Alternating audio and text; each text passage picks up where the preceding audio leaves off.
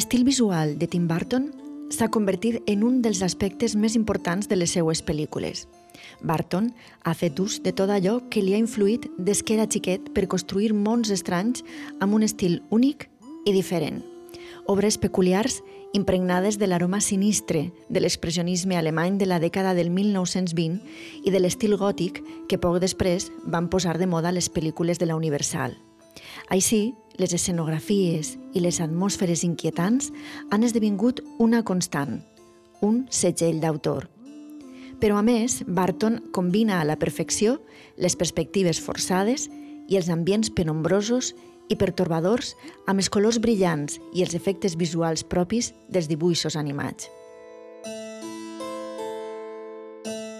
Un univers particular poblat de personatges peculiars que regís amb les mateixes regles que els contes i la literatura infantil.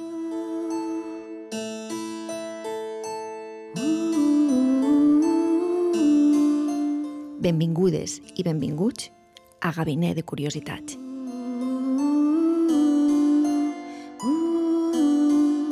Gabinet de Curiositats amb Anna Moner.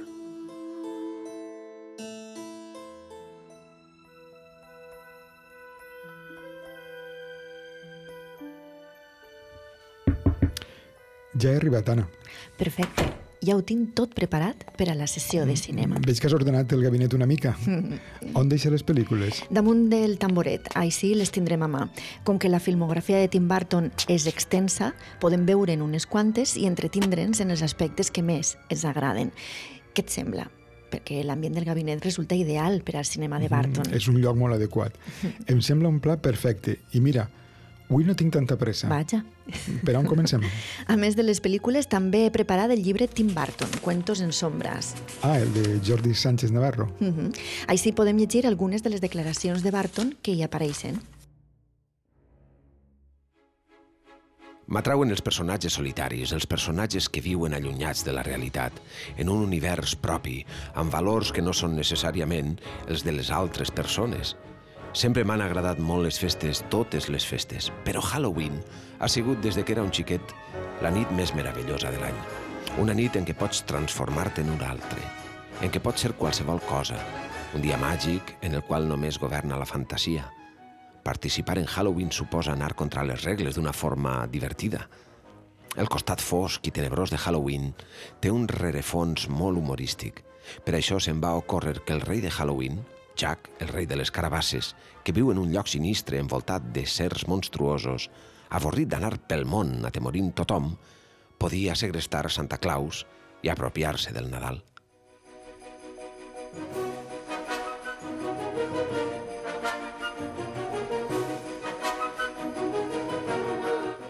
Els inicis. I això és el que va fer Tim Burton en Malson abans de Nadal. Sí. Un musical farcit de referències als melodrames de Dickens i als relats gòtics del segle XIX. Una història encantada en la qual apareixen una sèrie d'elements habituals en la seva obra. El Halloween, el Nadal, les carabasses, els esquelets, els fantasmes, els monstres. A més, també meravella de Tim Burton, el Nadal i el Halloween estan lligats per sempre en un malson pertorbador i vell alhora. Everybody scream! Please make way for a very special guy. Old Jack is king of the pumpkin patch. Everyone hail to the pumpkin king.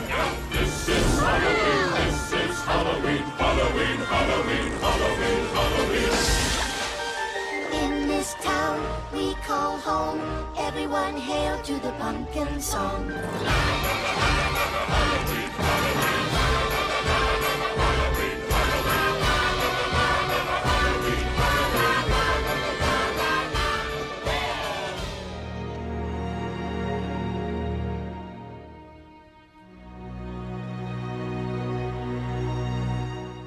El que sens dubte té molt a veure amb la trajectòria artística de Barton és el lloc on va néixer. Tens raó. Timothy William Barton va néixer el 25 d'agost del 1959 a Burbank, Califòrnia, una urbanització de classe mitjana a prop de Los Angeles que es va convertir en una extensió de Hollywood, ja que s'hi van instal·lar els estudis de la Warner, la Disney, la Columbia i la cadena de televisió NBC. L'ambient que s'hi vivia apareix sovint en les seues pel·lícules, com explicava ell mateix en una entrevista concedida el 1991. És la classe d'univers en què vaig créixer, així que ho conec prou bé. Tinc tendència a reflectir els meus records en les pel·lícules, tant si el to que adopte és crític com si és cínic. Aquell entorn suburbà en què vaig créixer sempre em fa vindre al cap el final dels anys 50, l'època d'Eisenhower, quan els Estats Units encara lideraven el món. L'època de la gran família nuclear, un moment que ens produeix una poderosa nostàlgia. El color, la forma de les cases, els interiors... Realment, Burbank podria ser l'entorn d'un conte de fades. Per a un infant, és un món tancat, un microcosmos perfecte. Les cases estan juntes, les persones depenen les unes de les altres econòmicament, tothom coneix el seu veí,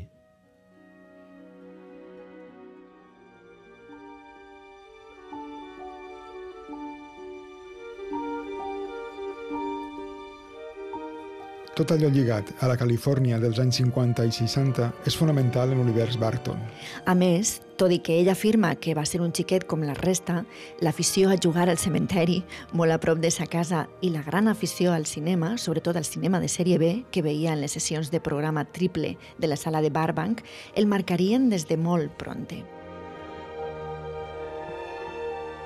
Com que no llegia mai, els meus contes de fades eren probablement les pel·lícules de monstres, els films de monstres com a territori per a la epifania quotidiana. M'encantava veure monstres en la pantalla.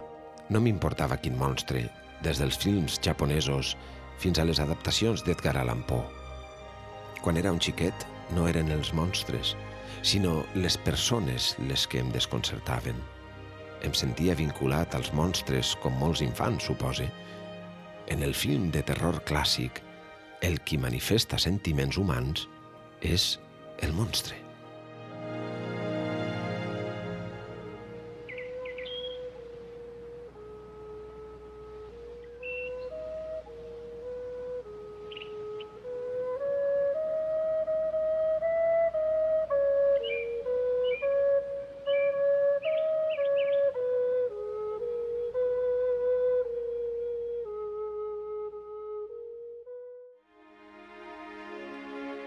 Aquest xiquet tímid i estrany, immers en la foscor de la modesta sala de cinema de Barbank, on veia pel·lícules de terror i de ciència-ficció, la seva passió, va descobrir l'actor Vincent Price, una de les figures que més han influït al llarg del temps en la seva producció artística.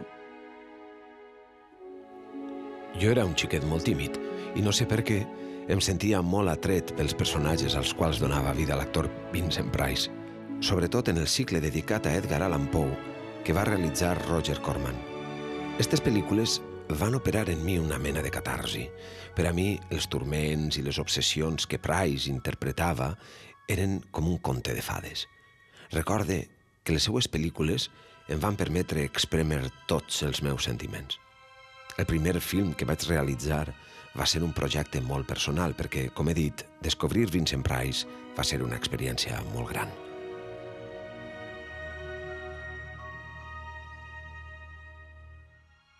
I fruit d'este sobtat interès pel cinema, van ser dues pel·lícules dutes a terme durant la seva etapa d'estudiant. Mm -hmm.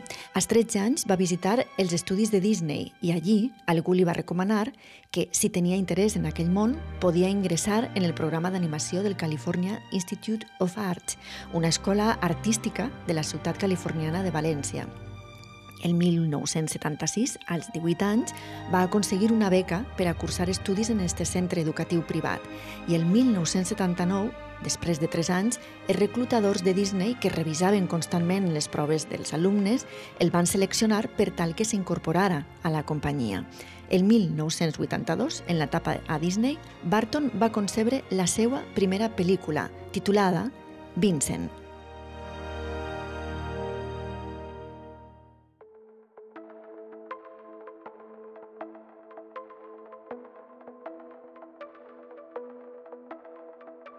Gabinet de Curiositats.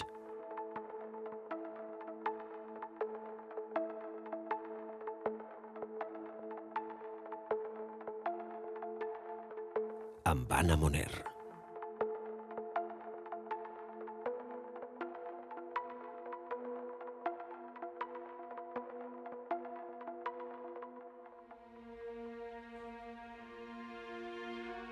La influència de Vincent Price.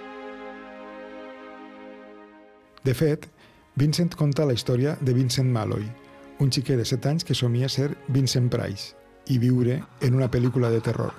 Vincent Malloy convertís el seu gos en un zombi, abandona l'avorrit món dels adults i es refugia en un altre més suggeridor, ple de fantasia i, i terror.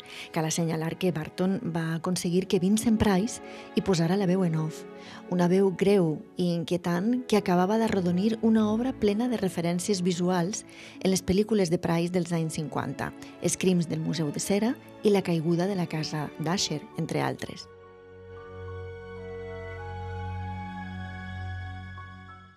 Edgar Allan Poe, and my soul from out that shadow that lies floating on the floor shall be lifted nevermore.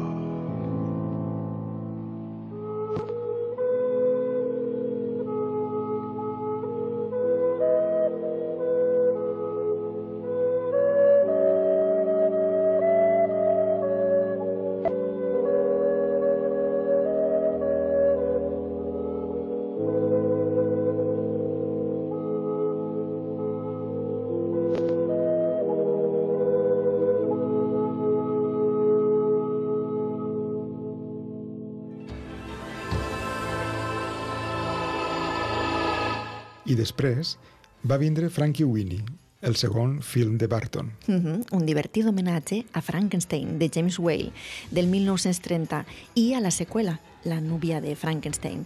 Tanmateix, llevat del plaer de crear els curts esmentats, el treball repetitiu que havia de fer cada dia als estudis de la Disney va assumir Barton en una espècie de, de depressió. Mai no es va adaptar al registre familiar de les produccions i després de quatre anys s'hi va desvincular i es va endinsar en la indústria de Hollywood. Mm. La seva primera obra com a director d'encàrrec, La gran aventura de Pee-wee, del 1984. Mm -hmm. Un projecte de la Warner que va ser un èxit de recaptació i el segon llargmetratge, Beetlejuice, del 1988, va néixer com a projecte d'un executiu independent. Després d'estos primers films, Barton es va convertir en un dels directors d'encàrrec més lucratius i estimulants de la indústria hollywoodenca, ja que a la seva eficàcia com a realitzador s'unia una mirada personal que garantia un producte final excepcional. I molt pronte, el 1989, arribaria Batman.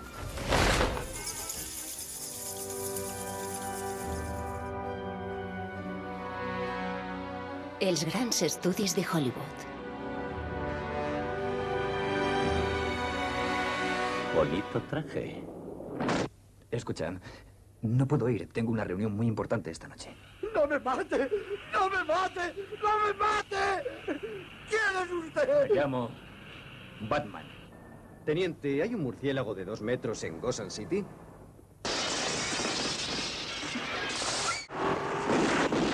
Jack ha muerto, amigo mío. Un tipo con alas siembra el terror. Nadie sabe aún de lo que soy capaz.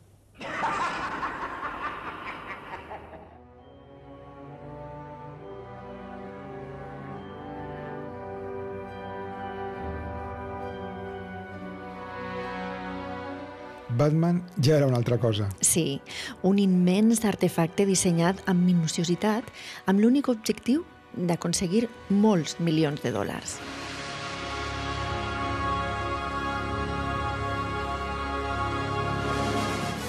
A pesar de no ser un gran admirador dels llibres de còmics, m'agradava Batman i la seva doble personalitat, la part oculta.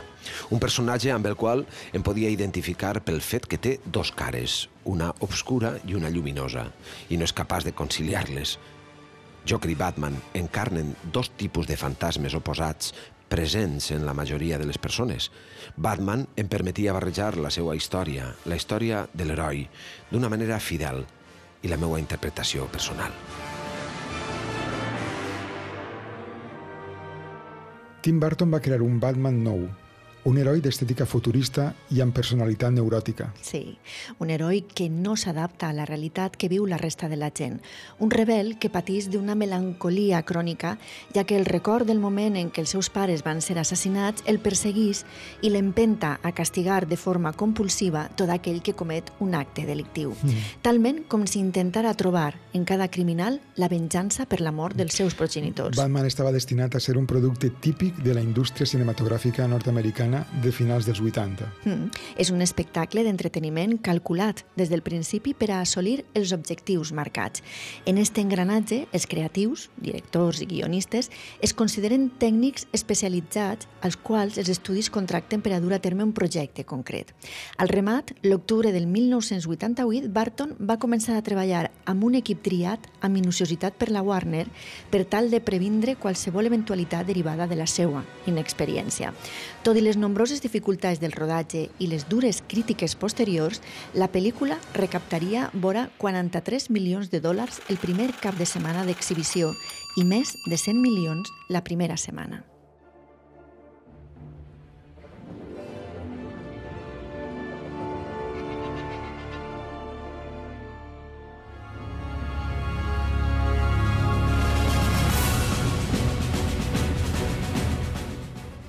La recreació de Gotham City va ser un exercici de retrofuturisme que va tindre com a resultat la perfecta ciutat distòpica.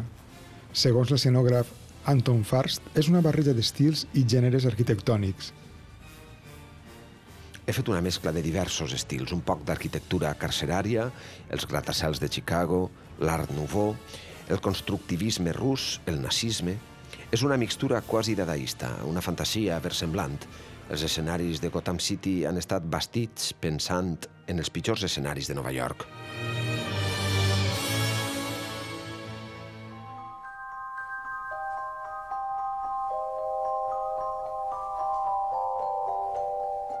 L'èxit de Batman li va donar autoritat per plantejar Edward Mans Tisores a la Warner, que tot i això es va negar a dur a terme el rodatge. Mm -hmm. Després, la Warner li tornaria a obrir les portes per tal que dirigirà el retorn de Batman el 1992. En Edward Mans Tisores, estrenada el 1990, Barton va voler expressar la fascinació que sent pels contes de fades.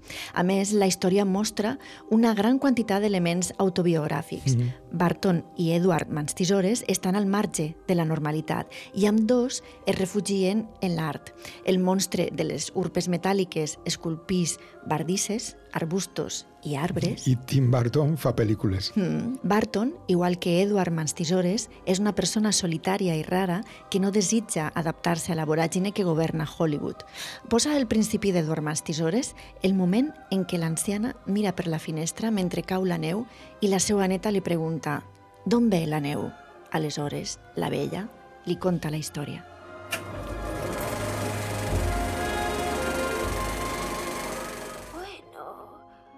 Muchas clases de tijeras y una vez incluso hubo un hombre que tenía tijeras en lugar de manos. ¿Un hombre? Sí. ¿Tijeras en las manos? No, tijeras en lugar de manos. ¿Te has fijado en la mansión que hay en lo alto de la montaña? Está encantada. Bien. Pues hace mucho tiempo, un inventor vivía en esa mansión inventaba muchísimas cosas. Un día creó a un hombre y le dio entrañas, un corazón, un cerebro, todo. Bueno, casi todo. Verás, el inventor era ya muy viejo. Murió antes de poder acabar al ser que había creado. Así que el hombre se quedó solo, inacabado y completamente solo.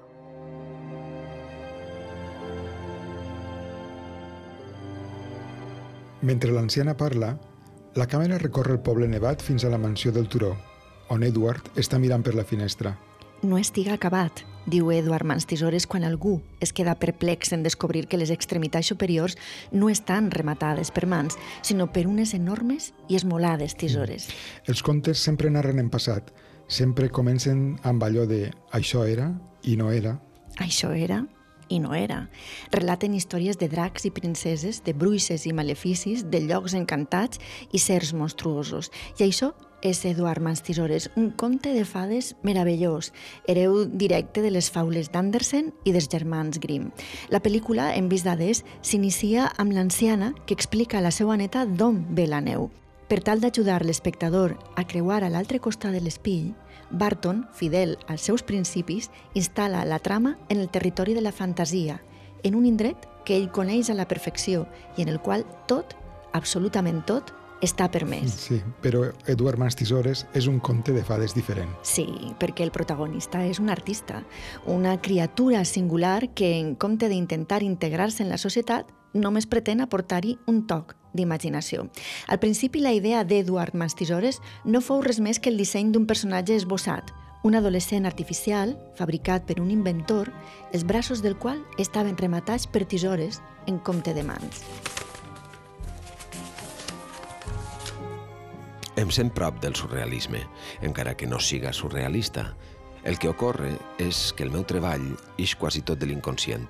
Per exemple, moltes vegades estic parlant per telèfon i pel que siga començo a dibuixar coses que venen del meu subconscient.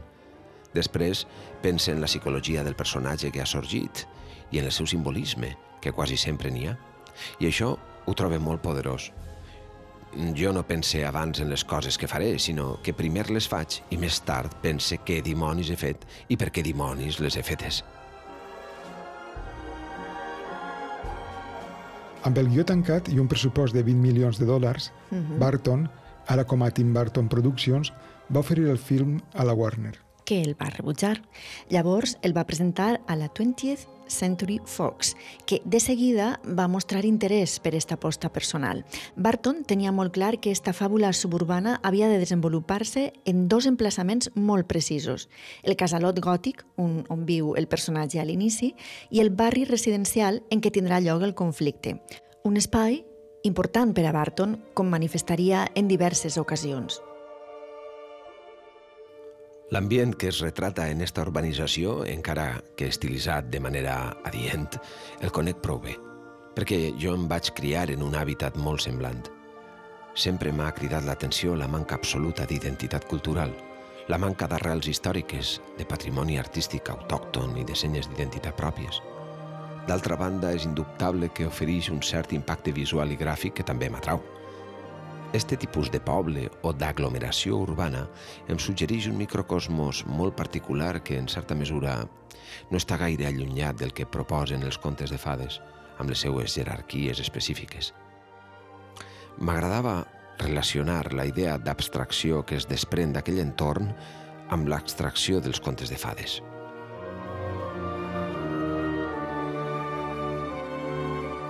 Barton pretenia trobar un espai de característiques semblants a Califòrnia, mm -hmm. però no va ser així. No, no va ser així. Finalment va trobar una urbanització similar a Florida.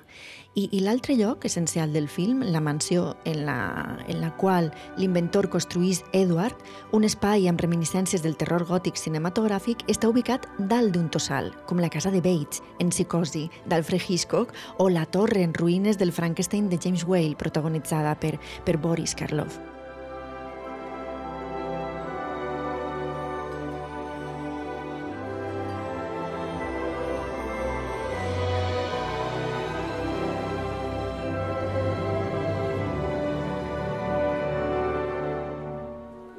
Cosa que no és d'estranyar, uh -huh. ja que quan va concebre la trama d'Edward Mans Tisores, Tim Burton pensava, sens dubte, en l'obra de Mary Shelley, Frankenstein o el model Prometeu. Sens dubte.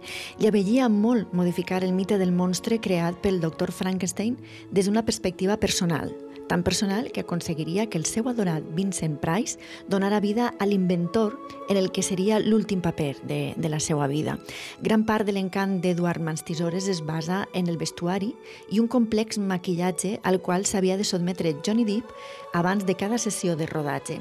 La caracterització havia d'evidenciar la seva naturalesa de monstre innocent i mostrar clarament el seu caràcter experimental, producte d'un progenitor genial i desequilibrat. El seu rostre, pàl·lid com el d'un mort, només havia de tindre una nota de color sobre els llavis, de Nina. La indumentària, quasi una segona pell, havia de revelar el seu origen d'entitat artificial de baixa tecnologia i situar-lo en una improbable estètica mm. gótico-industrial. I també havia de reflectir la preocupació de l'inventor per la seva criatura. Sí, perquè les arbitràries decisions de disseny de l'inventor, del seu pare, condenaran Edward a la diferència i la inadaptació. Al final d'Edward Mans Tisores, una trista i melancòlica Kim Box, interpretada per l'actriu Winona Ryder, l'anciana que narra la història a la seva neta, la dona que molts anys enrere es va enamorar del jove de les tisores, recorda que els habitants de l'urbanització, incapaços de tolerar esta diferència, van decidir lliurar-se del monstre. La criatura salvatge va haver de tornar al seu refugi, al castell solitari mm. de dalt del turó. Fem una ullada al final de la pel·lícula? Sí, fem una ullada. Nunca más volvió a verle. Nunca después de aquella noche. ¿Cómo lo sabes? Porque yo estaba allí. ¿Por qué no volviste a la mansión aún? ¿Podrías ir? No, cariño. Ahora soy una anciana. Prefiero que siga recordándome como era entonces. Antes de que él viniera aquí, no nevaba nunca. En cambio después, sí nevó. Si no siguiera vivo, ahora no estaría nevando. A veces aún bailo bajo la nieve.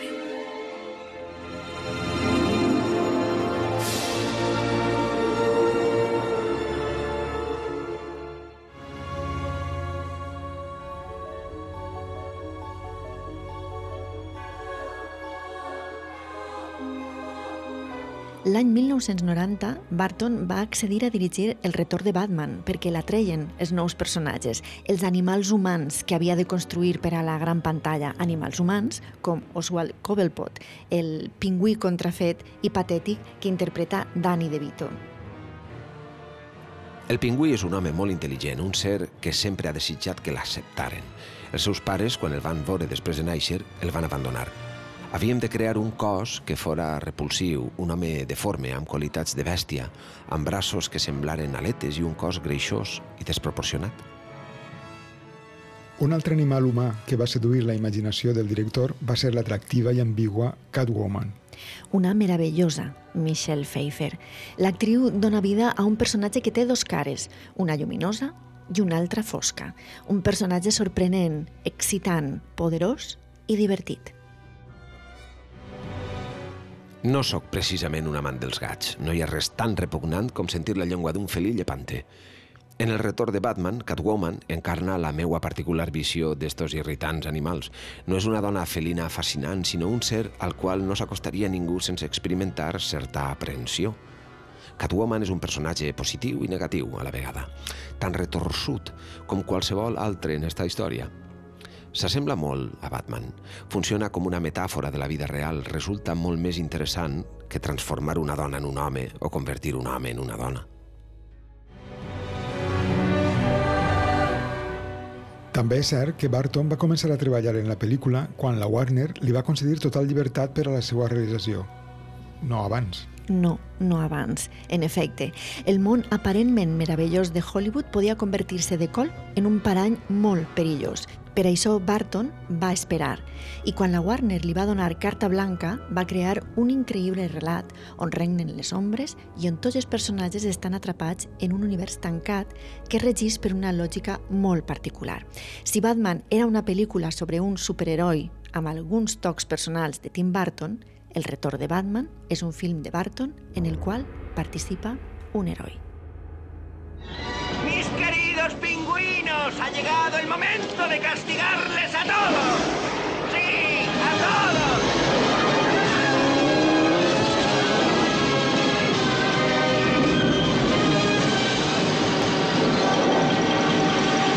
Me voy volando. Tenemos que hablar.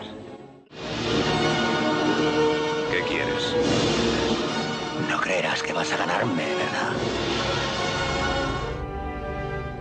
De fet, el retorn de Batman té ingredients de cadascuna de les seues cintes anteriors. Mhm. Barton mai no va ocultar la satisfacció amb el resultat final i, malgrat l'aparent indiferència respecte a les opinions sobre el film, les crítiques el van afectar molt. M'hi he esforçat i crec que he fet un bon treball. Els directius de l'estudi es reuneixen i còmodament asseguts pontifiquen sobre el que funcionarà i el que no funcionarà, i qui ho sap. Cada vegada les companyies imposen més limitacions i servituds, i tot es magnifica. I jo els dic, doneu-me un respir, d'acord? Potser que us suplique fer l'Oca Acadèmia 10 per tal de relaxar-me una mica. Simplement deixeu-me treballar.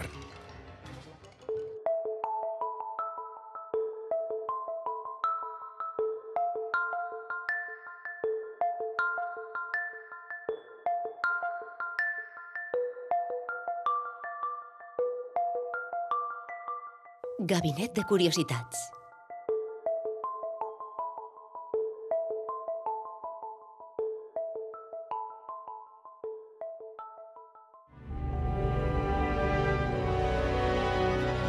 Ed Wood, el pitjor director de la història del cinema. El període que va seguir l'estrena del retorn de Batman va ser una etapa molt dura en la carrera de Barton. Sí, malgrat la recaptació extraordinària, més de 250 milions de dòlars, tot un rècord, les crítiques que va rebre a Nord-Amèrica van ser furibundes. L'acusaven d'haver dirigit una pel·lícula massa fosca i sinistra, no apta per a un públic infantil. Un reguitzell de males crítiques que van coincidir amb la publicació d'un article a la revista Vanity Fair en el qual pràcticament se l'acusava d'haver induït al suïcidi al director artístic Anton Farts per no haver comptat amb ell en la continuació de, de Batman. Tot i això, Barton va posar en marxa un altre projecte personal, Malson abans de Nadal, una obra a la qual hem fet referència al principi del programa. Mm -hmm. Justament a partir d'aquest moment es va convertir en una figura important de la indústria cinematogràfica, una posició que li ha permès acceptar projectes en funció dels seus interessos ètics i En estètics. efecte, projectes com ara Ed Wood, del Mhm. 1994, el seu setè llargmetratge, una història molt diferent a les que havia rodat fins llavors. ¡Y acción! Tienes ganas de moverte. Tienes ganas de salir por esa puerta. Ha salido perfecta. ¿Perfecta? ¿Sabe usted algo sobre el arte de la producción cinematográfica? Me gustaría pensar que sí. He conocido a Bela Lugosi. Creía que estaba muerto. El ataúd más incómodo en el que he estado en mi vida. No, está vivito y coleando. Es única. ¡Átala! ¡Te lo ordeno! Esta es la película que me hará pasar a la historia. ¿En serio? La peor película que he visto. Bueno, la próxima será mejor. Oiga. M'avellia molt fer una pel·lícula sobre un individu que no ha passat a la història del cinema com un geni, sinó tot el contrari.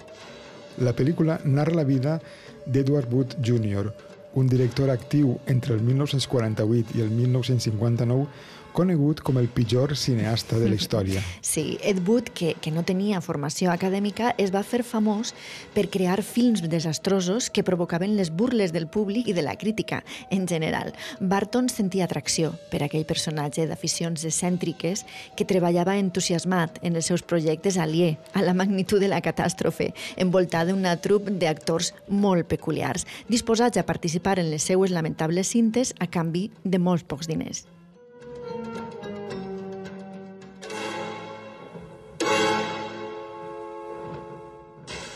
Sempre m'ha agradat el fragment que acabem de posar. Quan comença sona una música inquietant. Sí, i la càmera s'acosta a una tètrica casa rural d'estil victorià enmig d'una espectacular tempesta amb pluja torrencial, llamps i trons.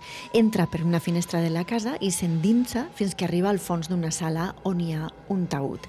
De sobte s'obre la tapa i de l'interior emergís Criswell, interpretat per l'actor Jeffrey Jones, un home gran i robust de faccions contundents que amb aspecte pertorbat es dirigís a l'espectador.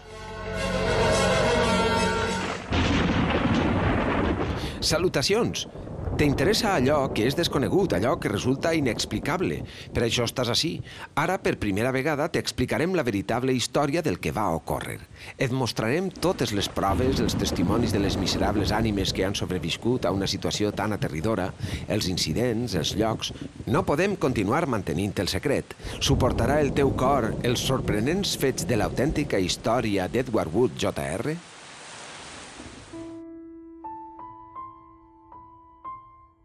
Sleepy Hollow, la llegenda del genet sense cap.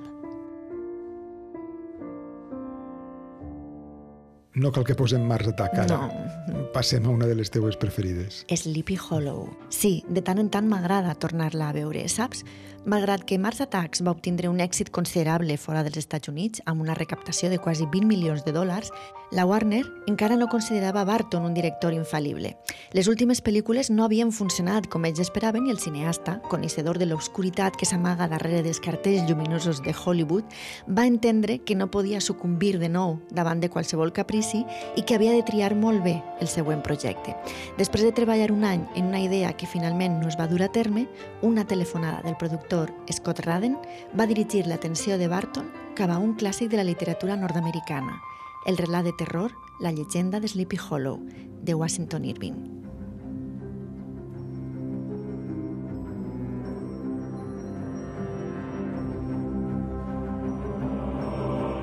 Aquell apartat llogaret rep el nom de Sleepy Hollow. Una atmosfera de sopor i somieig impregna l'aire. Alguns diuen que un metge alemany va encantar el lloc durant els primers dies de la colonització.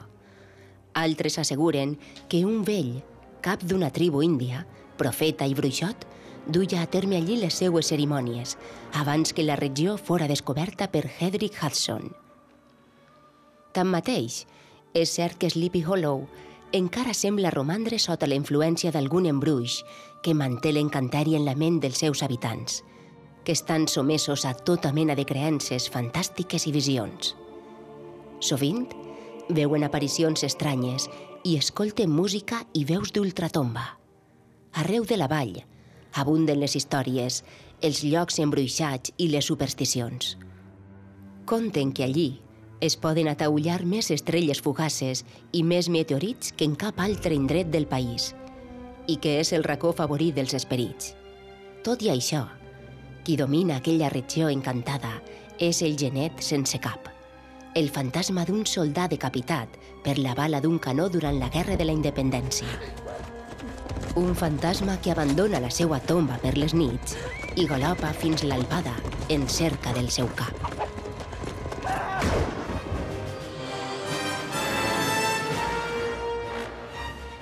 Barton necessitava un èxit que el rehabilitara davant del públic, la crítica i els estudis cinematogràfics. I ho va aconseguir. I tant.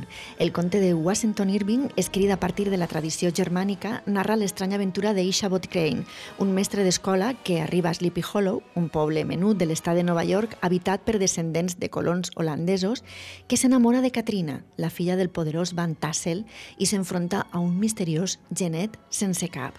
En l'adaptació, Barton s'allunya del to de la narració d'Irving, en, la, en la qual el genet sense cap és un jove disfressat, i s'endinsa sense prejudicis en els dominis del terror pur. L'ésser fantasmagòric adquirís corporeitat per les nits i talla els caps dels veïns de Sleepy Hollow. A més, Barton transforma el mestre d'escola, Isabod Crane, Mm -hmm. el personatge ideat per Irving, en un excèntric agent de la policia novaiorquesa de finals del segle XVIII. M'encanta l'Ishabod Crane creat per Barton, un fervorós defensor de la ciència forense i el pensament deductiu, un jove que no s'adapta a un món en el qual encara es practiquen mètodes d'investigació dels crims propis de la Inquisició. L'Ishabod Crane de Barton és un col·leccionista d'objectes estranys, de gins òptics i pròtesis rares, un home d'aparença segura i creences fermes però quan al final es troba cara a cara amb el genet sense cap, es debilita la racionalitat que domina el seu pensament i acabarà convertit en un ésser feble i insegur. Interesante. ¿El qué? La herida se cauterizó en el mismo instante. Como si la hoja estuviera al rojo vivo. Sin embargo, no hay ampollas ni carne chamuscada. El fuego del demonio.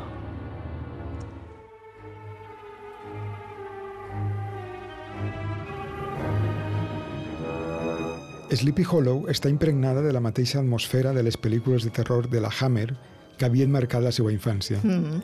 De fet, l'equip de localització, que en un primer moment es va traslladar a l'autèntic Sleepy Hollow, de seguida es va adonar que el poble no reunia les condicions per a rodatge, ja que és un lloc comercial orientat per complet al turisme. Els responsables van decidir, doncs, buscar altres ubicacions més idònies al nord de l'estat de Nova York i a la vall de Hudson. Fins i tot més al nord, a Massachusetts, on existís una gran concentració de cases d'estil colonial holandès i recreacions acceptables d'edificis d'aspecte clàssic. Cap d'estos indrets, però, no garantia les condicions per a una bona producció. Uh -huh. Així que davant de la impossibilitat de rodar als Estats Units, Scott Radden, el productor, va suggerir que es traslladaren a Anglaterra, amb la convicció que hi trobarien la localització perfecta. Uh -huh. I, en efecte, allí, en un paratge conegut com Lime Tree Valley, molt a prop de la ciutat de, de Harlow, a poc més d'una hora en cotxe de Londres van construir els decorats de Sleepy Hollow. Les cases d'estil colonial holandès, el cementeri, l'església, el pont cobert en el qual fa una de les seues temudes aparicions el genet sense cap, i al vell mig del bosc que envolta la població, l'arbre sec, de branques retorçudes i sinistres, als peus del qual està soterrat el genet decapitat. Soy el investigador Ichabod Crane. Vengo desde Nueva York para investigar los asesinatos de Sleepy Hollow. ¿Qué le han explicado sus superiores? Solo que los tres fueron asesinados en el campo y sus cabezas separadas de sus cuerpos. Tomadas por el caballero sin cabeza y devueltas al infierno. Cabalgaba sobre un corcel negro. Solo con mirarle se te helaba la sangre. Incluso hoy el bosque del oeste es un lugar encantado, donde los hombres valientes no se aventuran. En Nueva York tenemos asesinatos sin la ayuda de fantasmas ni demonios. Está usted muy lejos de Nueva York.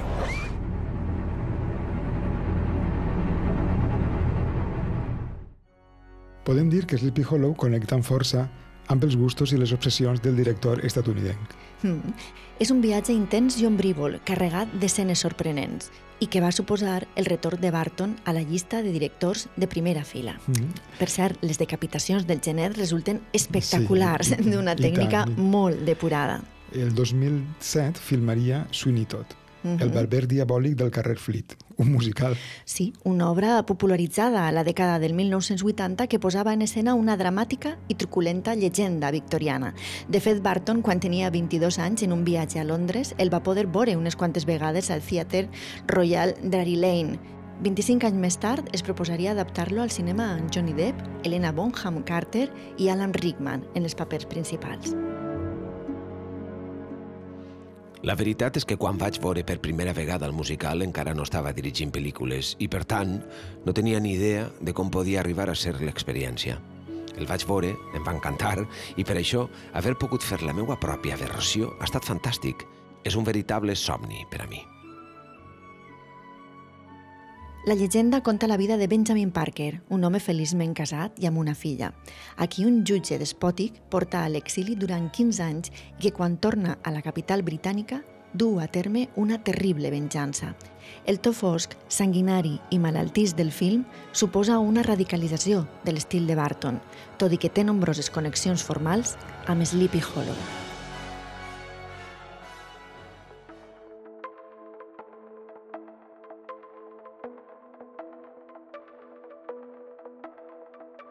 Gabinet de Curiositats.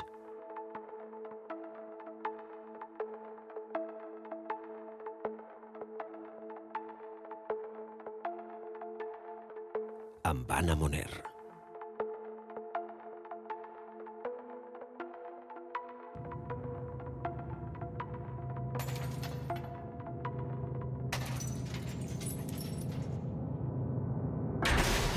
La visita.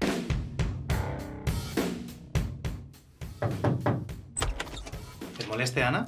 Jordi, entra. Entra i, i posa't còmode. Estem revisant pel·lícules de Tim Burton. Segur que t'agrada, Tim Burton. I tant, té un univers molt, molt particular, sempre sorprèn. Quina esteu veient? Estem veient eh, Sweeney Todd. El barber diabòlic. En esta, Barton s'ho va passar molt bé. Johnny Depp talla coix molt, molt alegrement. Sí, hi ha molta sang, poals de sang. 15 años soñando con volver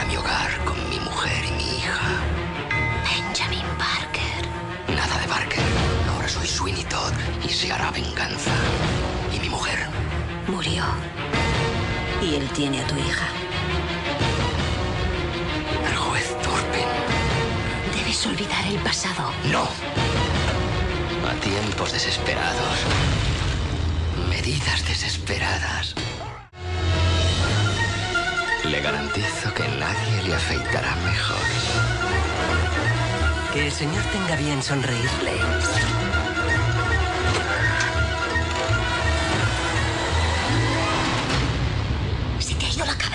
Sin duda los años me han cambiado. ¿Qué tal si le afeito? Al fin, mi brazo vuelve a estar completo. Me parece bien. ¿Pero qué hacemos con él?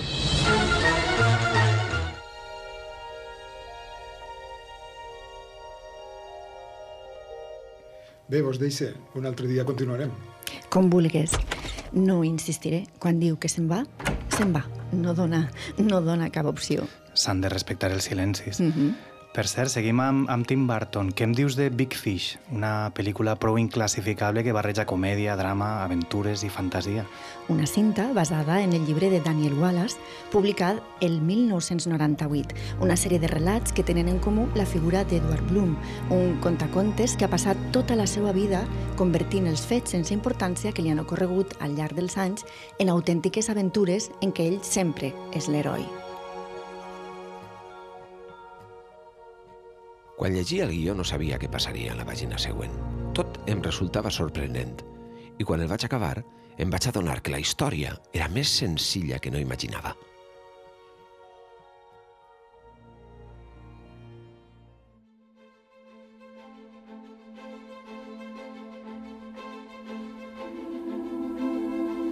Va ser quan el conill, de fet, es va treure un rellotge de la butxaca del xupetí i el va mirar, i després va continuar corrent, que Alicia es va alçar d'un bot. Ja que li va passar tot d'una pel cap que no havia vist mai cap conill amb una butxaca de xupetí ni amb un rellotge que em poguera traure. I morta de curiositat, es va posar a córrer pel camp darrere seu.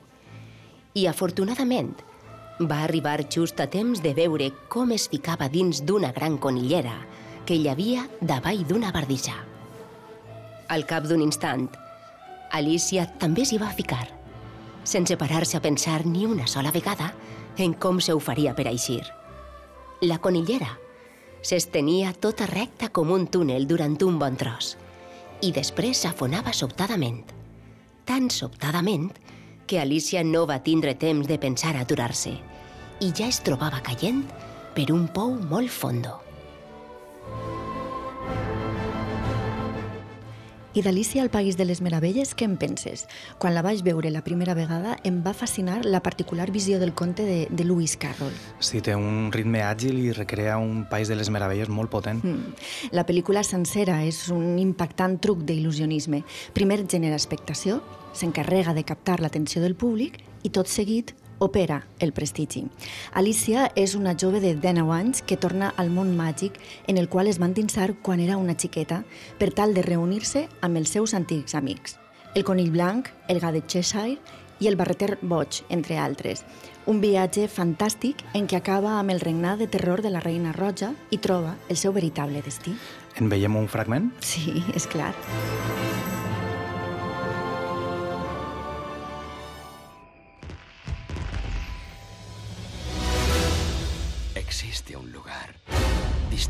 cualquier otro. Dicen que para sobrevivir en él hay que estar tan loco como un sombrerero. Por suerte, yo lo estoy. Alicia, eres tú.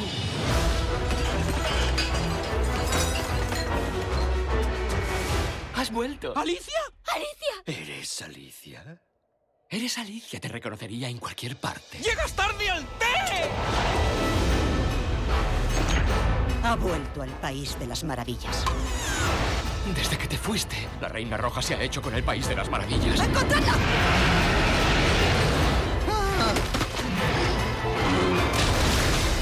Ayúdanos a arreglar esto. ¡Que le corten la cabeza! L'enginyosa recreació del País de les Meravelles és un homenatge a la desmesura, un magnífic treball de vestuari, direcció artística i efectes visuals en 3D que es posa al servei de la inversemblant aventura d'Alicia ideada per Tim Burton.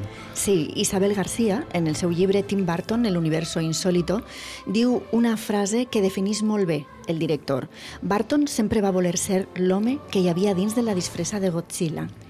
Les pel·lícules de Barton dibuixen universos sinistres i complexos que pretenen mostrar el costat fosc del que es considera normal i el costat més atractiu del que s'etiqueta de rar, anormal o diferent. Per a ell, ser oscur no equival a ser malvat. No, per a ell el món real, el món en el qual vivim, és molt més terrorífic que no el que somiem.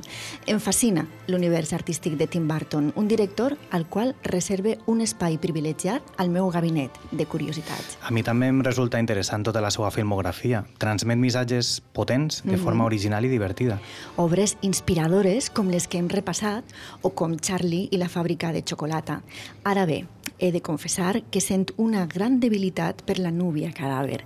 Una joia rara, una història necròfila, llòbrega i sinistra, prenyada de delicadesa i sensibilitat, que segueix el més pur estil del, del seu estimat i el meu estimat Edgar Allan Poe. Una esplèndida pel·lícula en la qual Barton demostra una vegada més la seva passió per l'animació. Hmm. La núvia cadàver és una obra vital i fosca, alhora que s'esforça en cada pla amb grapats d'humor negre. S'esforça per trencar amb tot tipus de convencions i prejudicis socials. L'argument, basat en un conte popular del segle XIX, ens trasllada a un poble fictici de l'època victoriana. D'ací els noms dels seus protagonistes, Víctor i Victòria. A punt de contraure matrimoni, un matrimoni acordat pels pares, ells no s'havien vist mai abans, Víctor té un moment de pànic. Fuig, s'endinsa al bosc en plena nit i en un descuit acaba casant-se amb la núvia cadàver. Con este anillo te tomo por esposa. Sí quiero.